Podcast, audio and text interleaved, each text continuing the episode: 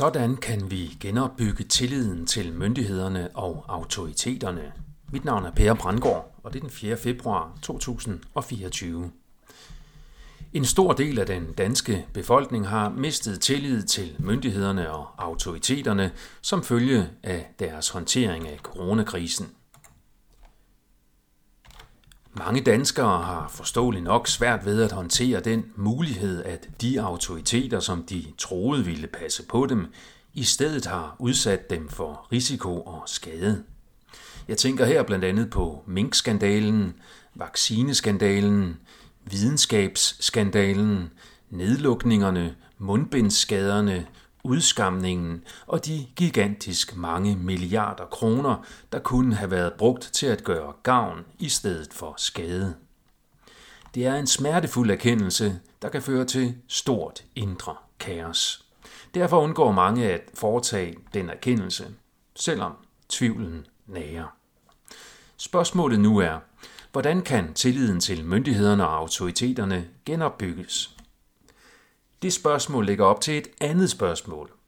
Hvis vi betragter faldet i tillid til myndigheder og autoriteter som et symptom, hvad er så årsagen? Årsagen er, efter min vurdering, systemisk. Det danske myndigheds- og autoritetssystem er konstrueret på en sådan måde, at det kan misbruges eller gå i selvsving uden demokratisk sikring. Når et magtsystem kan misbruges, så viser erfaring, at det vil blive forsøgt misbrugt af dem, der har motiver og ressourcer nok til at gøre det. Coronasagen er efter min mening et bevis på det. Vi kunne starte med at sætte pressen fri af den udøvende magt. Det burde efter min mening slet ikke være lovligt for medier, der kalder sig frie og kritiske, at modtage penge fra dem, som de påstår at kritisere. Det burde i hvert fald tydeligt deklareres, at det er sådan, det foregår.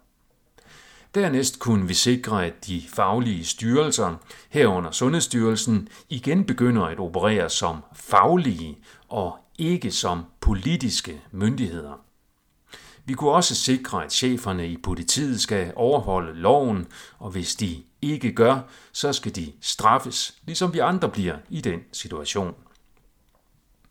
Den helt store revolution ville selvfølgelig være at indføre demokratisk folkestyre i Danmark. Det omfatter en ny grundlov.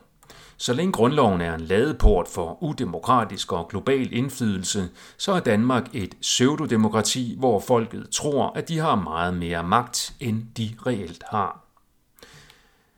Nu tænker du så måske, hvad er det for en tosset konspirationsteori? Lad mig da minde om, at selve begrebet konspirationsteori og det relaterede begreb sølvpapirshat er designet som et psykologisk kommunikationsvåben til at sikre, at systemkritik i demokratiske samfund med ytringsfrihed bliver stoppet via latterliggørelse, inden folkeoplysningen når at gøre skade for den mørke magtelite. Dermed ikke være sagt, at der ikke findes tossede, udokumenterede konspirationsteorier om alt muligt. Det gør der. Men det er ulogisk at konkludere, at hvis en teori inden for en gruppe af teorier er skør, så er alle teorier i den kategori også tossede. Nu tænker du måske også, jamen hvis der var noget om det, så ville jeg have hørt om det i pressen. Til det kan jeg kun svare, det kommer an på, hvem din presse arbejder for, og det kommer an på, hvem der finansierer din presse. DR er for eksempel 100% finansieret af den udøvende magt, så DR tjener den udøvende magt og ikke deres nyhedsforbrugere, det vil sige folket.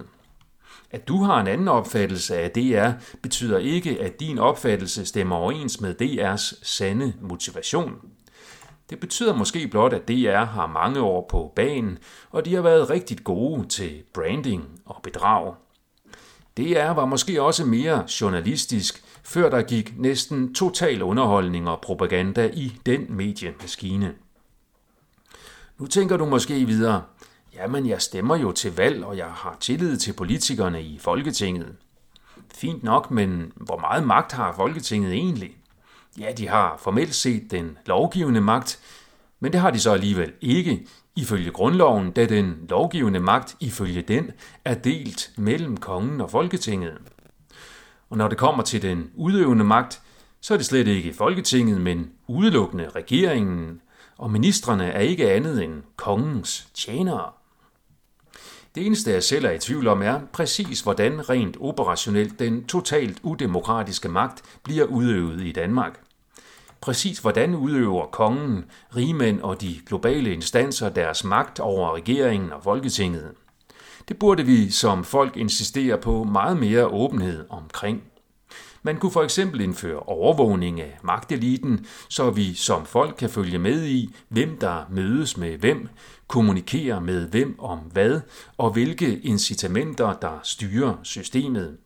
Som det er nu, så bliver vi holdt for nar på en hyggelig måde, der dybest set er uhyggelig, på samme måde som en klovn ikke rigtigt er sjov.